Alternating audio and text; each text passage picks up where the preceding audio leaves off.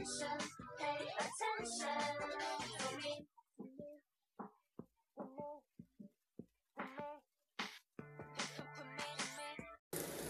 Halo teman-teman, selamat berjumpa kembali dengan saya di acara podcast saya Discuss It yang bisa teman-teman dengarkan di Anchor maupun Spotify kapan pun dan di mana pun secara gratis. Terima kasih sudah mendengarkan podcast ini, semoga semua teman-teman yang mendengarkan di mana pun merasa terhibur dan have a happy day, have a blessed day.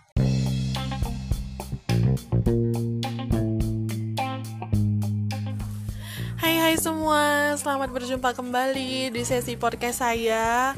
Uh, edisi baca buku bareng bukunya Pak Andrea Hirata yang berjudul Ordinary People, orang-orang biasa. Untuk yang udah kangen pengen dengar kelanjutan bab berikutnya dari buku ini, keep listening. Dan untuk teman-teman yang baru gabung di acara podcast saya uh, dan mau tahu cerita awalnya boleh dengarkan podcast sebelumnya. Tapi kalau mau lanjut kenapa enggak?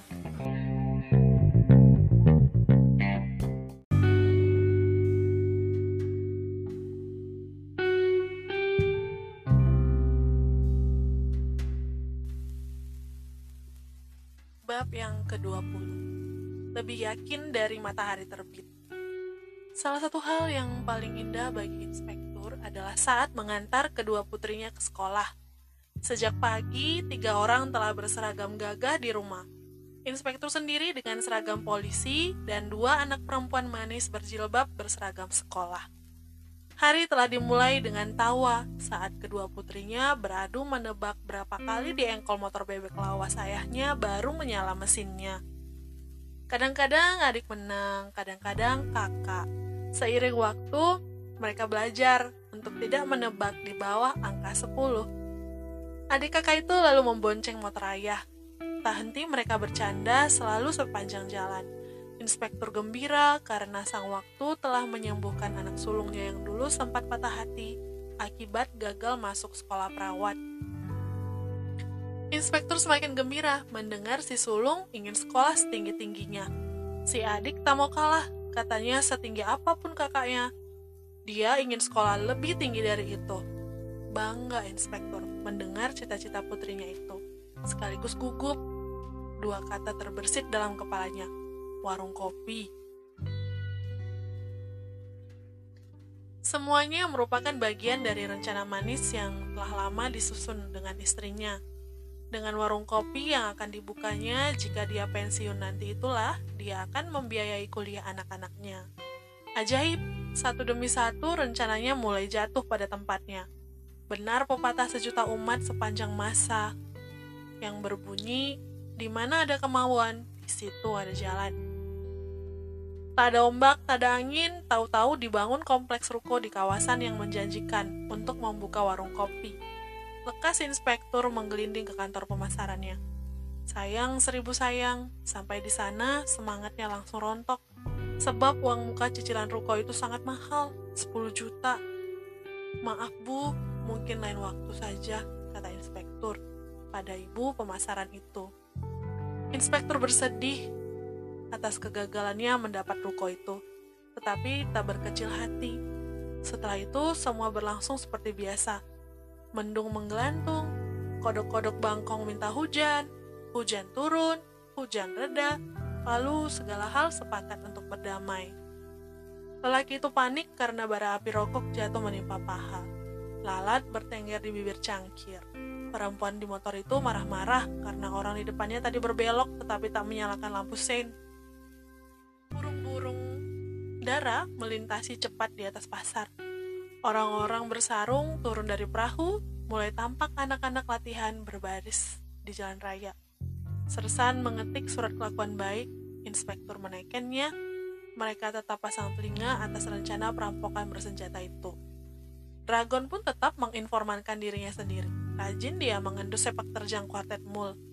Rusip, Nihe, dan Junilah tetap bekerja di Civic Lino, seharian membersihkan kantor-kantor.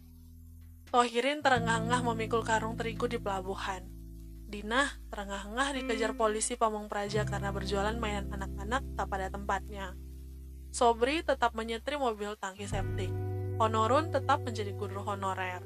Salut tetap menggali kubur. Debut tetap berjualan buku. Dan Handai tetap menganggur. Namun di balik keseharian yang lumrah itu, mereka memendam rencana yang bergelora untuk merampok bank demi menyekolahkan anak Dina di Fakultas Kedokteran. Ibu Atika pun masih tetap merana. Dadanya sesak sepanjang waktu. Pulang kerja sore itu, dia mulai memberanikan diri untuk ngebut. Diinjaknya gas pelan-pelan. Matanya terus melihat speedometer. Tanpa disadarinya, dia telah mencapai kecepatan 80 km per jam. Tak pernah dia melaju sederas itu. Jantungnya berdebar-debar. Ingin dia menginjak gas lagi, tapi takut.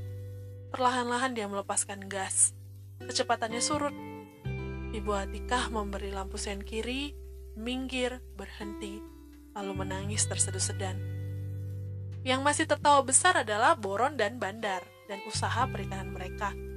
Karakter mereka yang selalu ingin mendominasi membuat keduanya menjadi semacam penguasa pasar ikan Bastardin, Jamin, dan Tarif tertawa lebih besar lagi karena konspirasi yang mereka rancang telah beroperasi lebih dari harapan. Omset toko perhiasan batu mulia semakin meningkat. Yang berani berarti semakin meningkat pula ke kapasitasnya sebagai mesin pencuci uang. Bukan main sentosanya trio Bartad. Sekarang, hilir mudik mereka di kota Belantik naik mobil mewah. Anak Dinah yang cerdas itu, Aini, akhirnya menjadi pelayan warung di Kupi-Kuli. Dia bekerja dari pagi hingga sore, ada kalanya hingga malam. Kelelahan dia bekerja sepanjang hari. Setiap hari Rabu, mirip sistem upah buruh Tima, majikannya Bang Duk memberinya upah dan selalu bertanya, Sudah berapa tabunganmu sekarang ini? 75 ribu bang. Setiap minggu tabungan Aini naik 25 ribu. Untuk apa tabunganmu itu Aini? Untuk kuliah di fakultas kedokteran bang. Bang Duk selalu menanyakan hal yang sama karena dia senang mendengar jawaban yang selalu sama pula dari Aini. Dia senang melihat sinar di mata Aini ketika mengatakan dia ingin kuliah di Fakultas Kedokteran.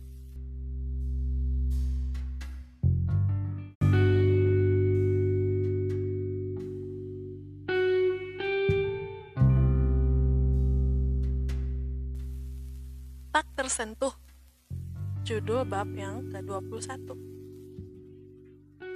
Dua pria yang sudah lama mau berjumpa dengan inspektur, sore ini senang melihatnya masuk ke warung kopi usah kau kenang lagi. Mereka telah bertanya sana-sini soal kebiasaan inspektur, dan benar, dia selalu datang ke warung kopi yang sama pada hari yang sama dan jam yang sama, usai jam dinasnya. Bahkan, dia selalu duduk di bangku yang sama. Sibuk salah seorang pria itu menelepon. Tak lama kemudian, datanglah seorang perempuan cantik naik motor Vespa sambil menenteng bukusan kertas. Dia bergabung dengan dua pria tadi. Mereka melihat-lihat sekeliling, keadaan sepi, tak ada orang lain. Lekas kedua pria itu menghampiri inspektur yang duduk di pojok sana. Pada inspektur mereka bilang bahwa merekalah yang dulu pernah berpesan pada sersan PRB untuk minta bertemu dengan inspektur. Oh iya, saya ingat itu, kata inspektur. Cerita punya cerita, dua pria itu ternyata punya bisnis barang-barang mewah. Mereka minta dilancarkan sebab sering direpotkan oleh pihak-pihak tertentu. Oke bung, tak masalah, pengamanan rutin saja, beres. Senang bukan main mereka, dan tersenyum lega sebab semuanya tak sesulit yang mereka duga. Mungkin mereka telah mendengar bahwa Inspektur Abdul Rojali itu tak tersentuh. Ah, siapa bilang? Apa yang tak dapat dibeli di dunia ini? Tiba-tiba inspektur bangkit, bahkan belum sempat memesan kopi. Mungkin dia mengendus gelagat yang tak baik dari kedua orang itu. Terpana mereka melihat inspektur mengengkol motor bebeknya, lalu meluncur meninggalkan warung kopi. Kejar-kejar dia, perintah salah satu pria itu. Si cantik menyambar tas kertas di atas meja, lalu bergegas mengejar inspektur. Dengan motor bagusnya, tak kesulitan dia mengejar motor bebek tua inspektur. Di jembatan mereka beriringan. Perempuan itu memanggil-manggil. Inspektur minggir. Perempuan itu menghampirinya. Maaf pak, ini untuk bapak. Tadi ketinggalan di warung kopi. Tanpa turun dari motornya, diserahkannya tas kertas itu pada inspektur, lalu berlalu. Inspektur membuka bungkusan kertas itu. Tebal duit pecahan tertinggi di dalamnya. Baru, masih terikat label dari bank. Sepintas saja dia tahu belasan juta jumlah uang itu. Sepi di jembatan saat itu, tak ada siapa-siapa. Tak ada orang yang melihatnya menerima uang itu. Dan ingat, dia tak pernah meminta uang pada siapa pun. Kedua alasan itu selalu lebih dari cukup untuk membuat seorang aparat mengkhianati sumpah jabatannya. Senyap, yang terdengar hanya riak-riak sungai Linggang. Inspektur termangu memandangi permukaan sungai. Pikirannya terlempar pada uang kontrak awal 10 juta ruko yang ditaksirnya untuk warung kopinya nanti yang tak mampu dibayarnya. Teringat pula dia akan cita-cita anak-anaknya untuk sekolah setinggi-tingginya, akan keperluan rumah tangga yang tak ada habis-habisnya, akan atap rumah yang bocor sehingga jika hujan, banyak baskom dan ember santero rumahnya, dan pada kenangan pahit tahun lalu, waktu putri sulungnya sangat ingin masuk sekolah perawat, tapi dia tak mampu membayar uang muka 9 juta. Begitu banyak keperluan, begitu banyak hal mendesak untuk dibayar. Begitu banyak persoalan bisa beres dengan sebungkus uang itu. Tiba-tiba, inspektur merasa sangat sedih. Di engkolnya motornya, kembali dia ke warung kopi itu. Kedua pria dan si cantik masih ada di sana. Inspektur menghampiri mereka dan meletakkan tas kertas itu di atas meja. Mereka terpana melihat mata inspektur merah dan berkaca-kaca. Inspektur tak berkata-kata dan langsung pergi. Ketiga orang itu saling pandang. Salah seorang dari pria itu merampas tas kertas tadi dan melemparkannya pada pria lain di depannya. Apa kataku? Kasih dia paling nggak 20 juta. Lihat dia tersinggung sampai mau menangis begitu. Dasar pelit.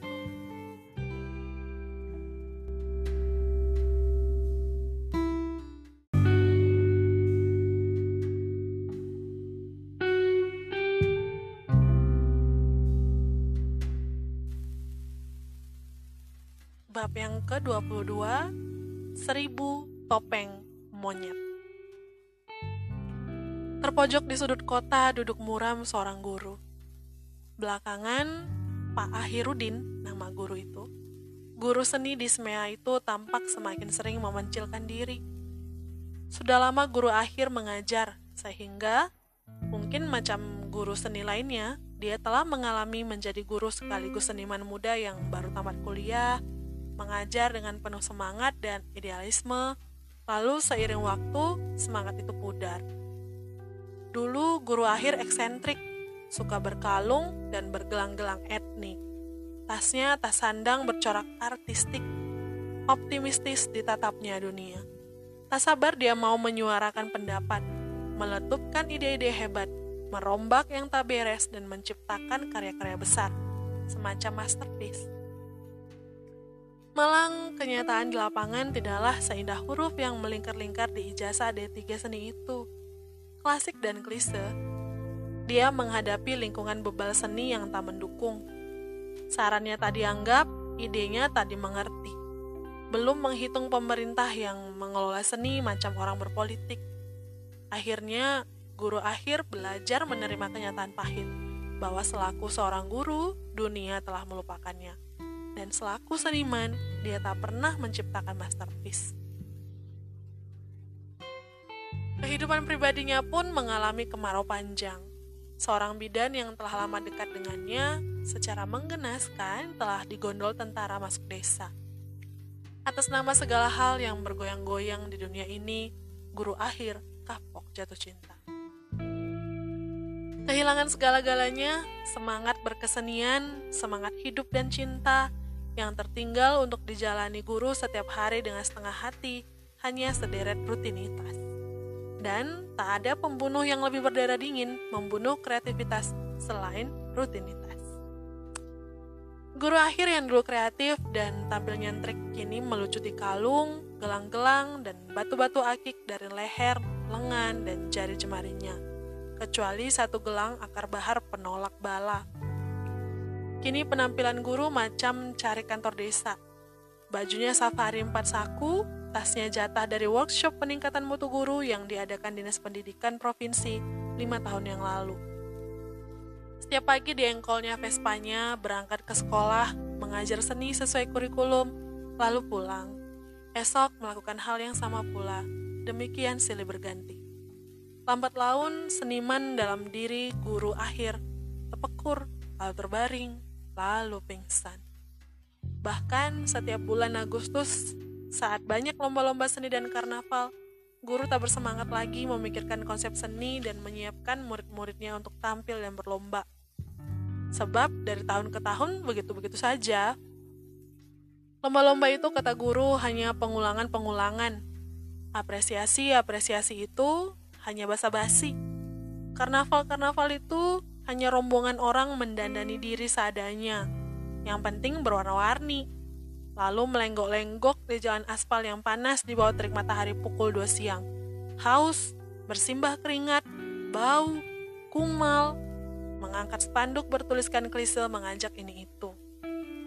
Politik spanduk, reklame, pamer kemegahan, harta benda, profesi, penyuluhan, dan parade propaganda itulah intinya pawai-pawai itu, menurut guru. Sama sekali bukan seni karnaval. Tahun ini Meski Agustus telah meloncat-loncat ingin masuk di gerbang kota Belantik, guru akhir belum juga muncul dengan konsep karnaval. Memikirkannya saja dia malas. Guru sudah patah arang dengan seni. Berkesenian hanya membuatnya sedih. Karnaval lah kan sana, berpesta poralah, guru akhir mau menyepi. Dalam hatinya malah dia mengeluh pada Agustus yang hanya merepotkan, yang menyita waktunya dari lamunan-lamunannya bersama secangkir kopi jahenya. Di tengah keluhan-keluhan itulah guru akhir mendapat kiriman lima kardus besar, sebesar kulkas. Dibukanya salah satu kardus itu dan terkejut bukan buatan melihat banyak sekali topeng monyet di dalamnya.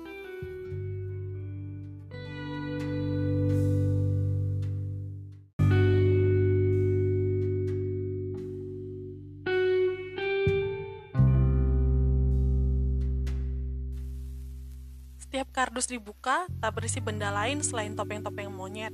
Bertumpuk-tumpuk banyak sekali. Topeng itu terbuat dari karet yang dapat disarungkan ke kepala layaknya helm. Berpuluh macam jenis monyet, mulai dari gorila hingga monyet kunyuk pisang biasa. Berukuran sesungguhnya dan berwarna-warni macam warna aslinya. Menyeringai-nyeringai mendebarkan. Sepucuk surat menyertai kiriman yang aneh itu. Rupanya topeng-topeng itu kiriman dari Yayasan Pawai Merdeka, suatu lembaga nirlaba yang di surat itu dikatakan mengkhususkan diri untuk menyokong kemeriahan pawai Agustus supaya lebih meriah sehingga anak-anak merasa gembira. Di surat itu juga disebut bahwa banyak sekolah lain dikirimi aksesori pawai dari lembaga yang dermawan itu. Mereka bilang punya daftar guru seni di seluruh negeri. Tahun ini sekolah guru akhir mendapat kiriman seribu topeng monyet. Surat itu ditanda tangani pengurus yayasan. DRA Cynthia Sari bla bla bla. Panjang namanya, mirip nama latin bunga langka yang hanya ditemui di tengah hutan Amazon. Usah risau, ada singkatan nama di dalam kurung, yaitu Cynthia. Ada pula email untuk mengkonfirmasi bahwa topeng-topeng itu telah diterima. Tersentak guru di tempat duduk. Lama guru terpana menatap surat itu, lalu terharu. Disangkanya selama ini dunia telah melupakannya. Ternyata tidak. Topeng itu sendiri merupakan karya seni yang luar biasa karena sangat hidup, ekspresif, dan sangat mirip dengan wajah kera. Merinding guru melihatnya dan langsung berpijar-pijar ide seni dalam kepalanya. Seringai monyet-monyet yang mendebarkan itu pelan-pelan membangkitkan lagi arwah seni dalam diri guru akhir yang selama ini terbaring pingsan.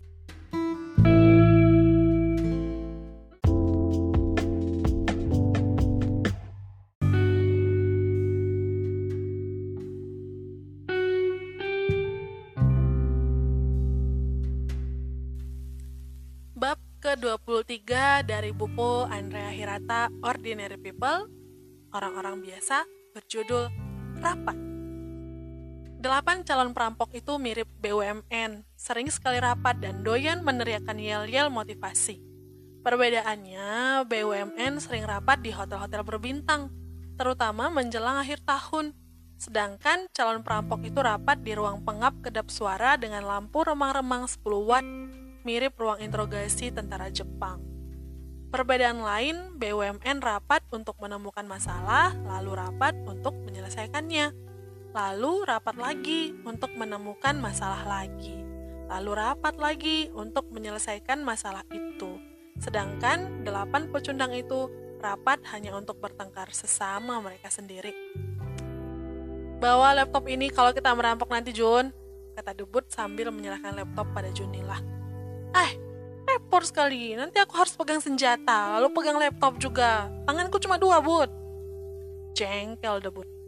Itulah masalahmu dari dulu, Jun. Kau tak bisa dididik, tak bisa diatur. Maunya seenakmu sendiri. Selalu berkata tidak sebelum mencoba. Makanya hidupmu melarat begitu. Bodoh hendaklah menurut, pintar hendaklah mengajar. Andai memberi pandangan secara pembicara motivasi. Saya selalu senang kalau babnya berkisah tentang 10 sekawan. Gimana dengan teman-teman? Oke deh lanjut. Daripada kau but, kau bilang kau ketua, tapi kau pelin-pelan, balas Junilah. Kopi gampang dingin di depan orang yang pelin-pelan, kata bijak. Maksudmu? Kopi ngebonmu di warung kopi itu, Dai. Nihe memihak ke Junilah, sekutu tetapnya. Bicara soal kopi ngebon, utangmu padaku belum kau lunasi, Dai. Ingatkah kau? Utang padaku waktu kau mau beli celana pensil tempo hari. Stop, stop, John. Potong Handai. Aku tahu apa yang akan kau katakan sebelum kau mengatakannya. Bahkan, aku tahu apa yang akan kau katakan sebelum kau sendiri tahu apa yang akan kau katakan. Apakah kau tahu apa yang akan kau katakan sebelum kau mengatakannya? Atau, apakah kau tahu apa yang akan ku katakan sebelum kau mengatakannya? Apa sih? Cara pembicara motivasi berbicara memang hanya bisa dipahami oleh pembicara motivasi Usah kau dengarkan bicara Handa itu Jun, otaknya sudah dol. Tohirin memihak Junilah. Saatnya penemu Viagra dinominasi untuk hadiah Nobel perdamaian. Andai tahu Tohirin punya masalah yang tak pantas ditulis dalam buku yang akan dibaca oleh para pelajar. Kau memang sebodoh wajahmu itu, Dai. Tohirin tersinggung. Nihe bangkit mau menggebrak Handai lagi. Usah kau banyak cakap lagi, he. Gertak Rusip. Terima kasih atas saran musib, aku memang sudah cukup cakep. Sudah, sudah. Sebenarnya untuk apa sih laptop itu dibawa merampok? Tanya Dina. Debut makin jengkel. Tugasmu bukan untuk bertanya, Dina. Tugasmu adalah untuk melaksanakan. Tugasku adalah memberimu tugas. Kalau tak kau puji dirimu sendiri, siapa yang akan memujimu? Kata bijak Handai lagi. Kalian semua tak ada respek pada pimpinan, bentak debut. Hanya orang bodoh yang menuntut respek dari orang-orang bodoh, kata Handai lagi. Tutup mulut motivasimu itu, Dai. Bising aku bentak nih, hei. Ambil laptop ini, Junilah. Ikuti saja perintahku, kata debut. Kali ini, Junilah tak lagi banyak tingkah. Dia melangkah ke depan berjinjit-jinjit. Tak tahu mengapa, sejak punya rencana merampok, Junilah selalu berjalan berjinjit-jinjit. Tiba-tiba.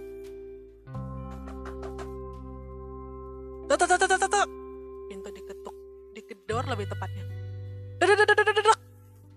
Semua terkejut, saling pandang dan khawatir. Tak pernah ada yang mengetuk pintu itu, kecuali kakak Handai yang membawa kopi. Dan kode ketukannya pola bunyi tokek. Sudah dikenal. Kali ini ketukan pintu itu asing, kasar, dan mengancam. Polisi! Ucat muka Dina.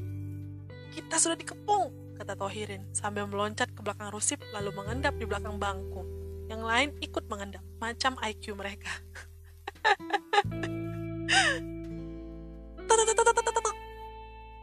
Siapa yang membocorkan cara kita? Bentak Tohirin.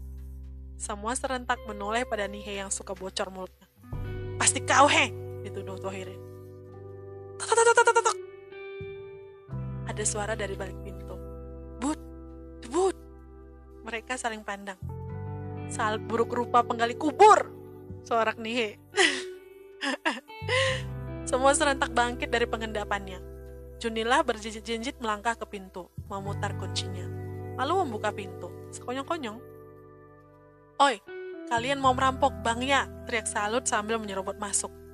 Aduh, kebetulan. Ajak aku, ajak aku. Cah, siapa yang mau merampok? Ada-ada saja, mabuk kau ini, Lut. Tanya debut. Usah kau bohong, Bud. Aku tahu kan mau merampok bank.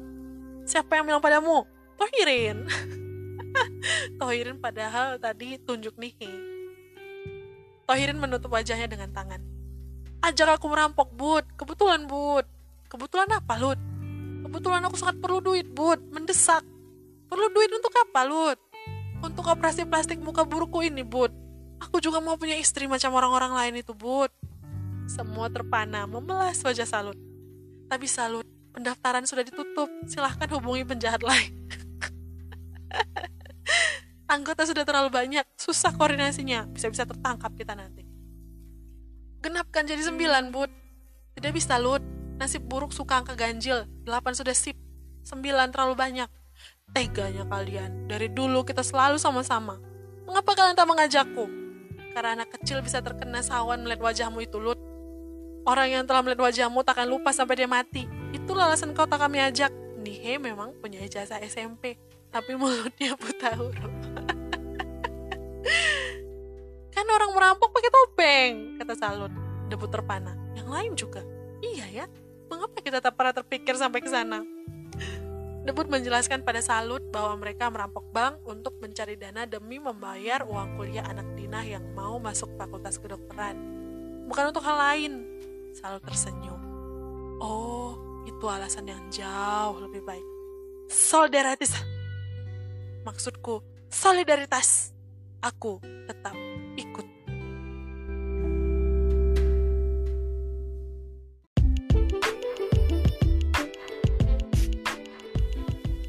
Oke teman-teman, itu tadi dia sesi ke-6 baca buku bareng bareng saya, buku karya Pak Andrea Hirata yang berjudul Orang-orang Biasa, Ordinary People. Semakin ke sini saya semakin penasaran karena semakin banyak tokoh-tokoh yang diungkap dari cerita ini. Mulai dari inspektur, para penjahat, dua bastardin, habis itu ada 10 sekawan, kemudian ada tokoh kecil yang cukup menarik perhatian saya, yaitu Ibu Atika. Semua tokoh-tokoh ini diceritakan di bab-bab yang terpisah. Sejauh ini tidak ada hubungan antara semua tokoh yang diceritakan. Membuat saya penasaran apa nanti yang membuat mereka saling berkontak satu dengan, dengan yang lain. Bagaimana nasib akan membawa mereka untuk saling berhubungan, saling bertemu, dan apa yang akan terjadi. Kalau teman-teman juga penasaran seperti saya, kelanjutan ceritanya tetap pantengin episode podcast saya. Dan kalau teman-teman ada saran, masukan, atau kritik, everything, please kindly send me your voice note and I will really grateful to receive it. Dan untuk teman-teman semuanya, saya ucapkan terima kasih untuk tetap ikuti saya sampai hari ini tetap jaga kesehatan di mana pun teman-teman berada dan harus tetap bahagia. See you bye.